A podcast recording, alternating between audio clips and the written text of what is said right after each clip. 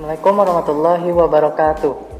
Kembali lagi bersama kami OSIS SMP Tiskoma eh, di program Ramadan bersama OSIS di segmen Istiqomah Expert, di mana kami akan membahas minat dan bakat kele- eh, serta kelebihan murid-murid SMP IT Istiqomah.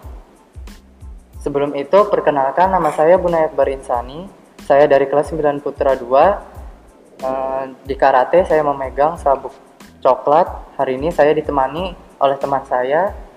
Dia ini satu perguruan karate dengan saya. Silahkan perkenalkan diri. Eh, Assalamualaikum, halo semua. Saya Fahri dari kelas 7 pas 1. Eh, saat ini di karate saya memegang sabuk biru. Oke, cukup perkenalannya. Eh, sekarang kita akan masuk ke topik utama kita nih. Fahri, setahu aku kamu itu eh, punya hobi karate kan? Kalau begitu, boleh diceritain dong eh, gimana sih awal mula kamu suka sama karate?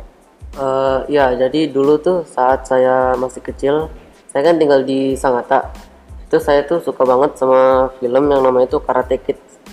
Dan saat itu saya pingin banget dan suka dan ya sukalah sama bela diri gitu, pingin belajar juga.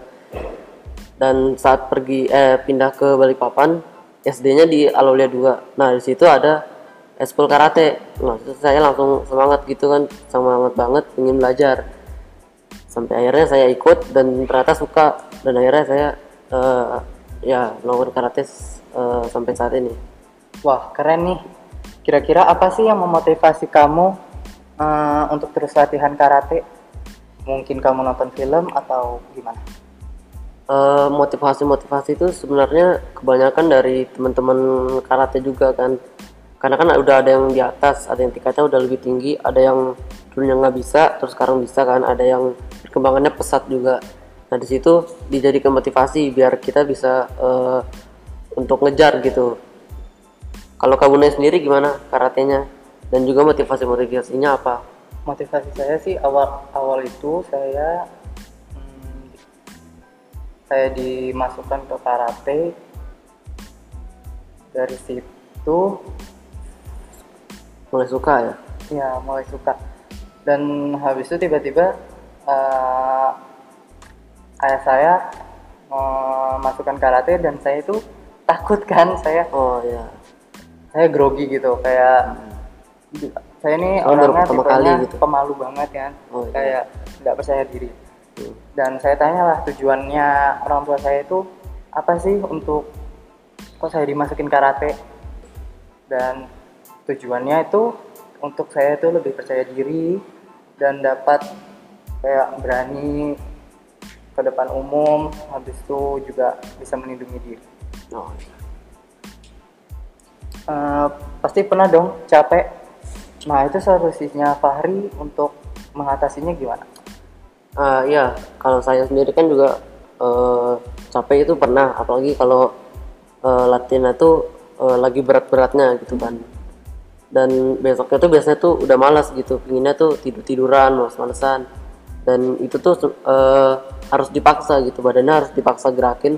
Jadi langsung ganti baju, siap-siap, langsung berangkat aja gitu. Jadi ntar pas udah sampai tempat latihan itu malasnya udah hilang. Jadi harus eh, memang harus dipaksa sih. Kalau budaya sendiri gimana? Kayak saya juga pernah sih, kayak capek banget ini udah. Hari ini udah paling capek nih. Hmm. Kayak tapi gimana ya?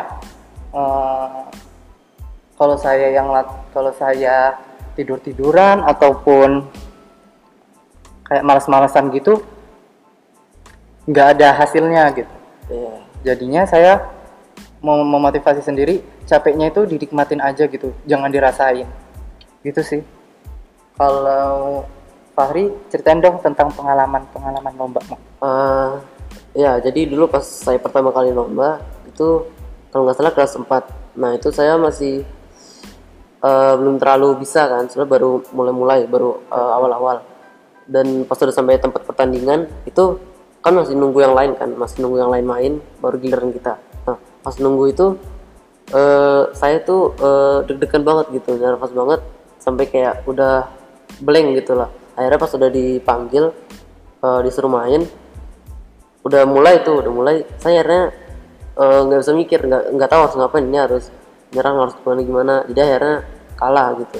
Nah tapi eh, kalahnya itu harus eh, sebenarnya dipakai buat jadi pelajaran. Karena kayak cari kekurangannya apa terus kayak memperbaiki lah gitu. Kayak ya ya kurangnya di mana diperbaikin lagi Eh, kalau kamu gimana Pengalaman lomba saya terakhir kali itu yang Liga Pelajar tadi itu. oh ya Nah, di situ saya sih sudah mulai percaya diri ya. Nah, tapi kalau sebelum-sebelum saya yang pas lagi masuk karate, sudah saya berapa bulan itu saya mengikuti lomba, itu saya sama sih seperti kamu. nervous juga Kayak bingung mau ini apa serang ataupun bagaimana gitu.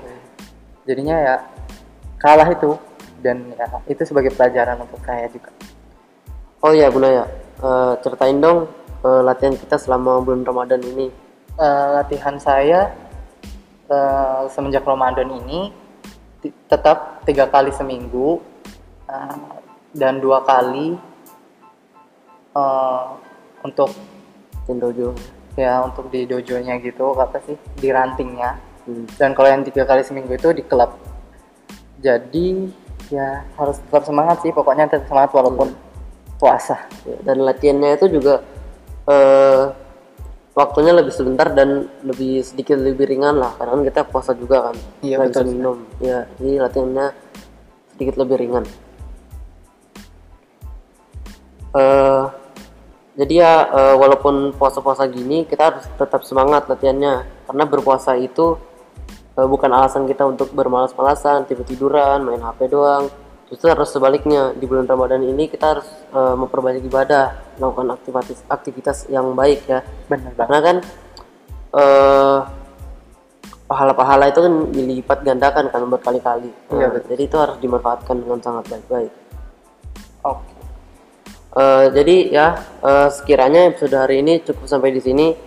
Eh, jangan lupa buat teman-teman untuk tetap produktif eh, untuk hari-harinya, walaupun di bulan Ramadan eh, berpuasa itu bukan eh, alasan ya untuk bermalas-malasan. Sekian dari kami, eh, saya Fahri. dan saya Bunaya sampai jumpa di podcast berikutnya Sekian dari kami. Wassalamualaikum warahmatullahi wabarakatuh.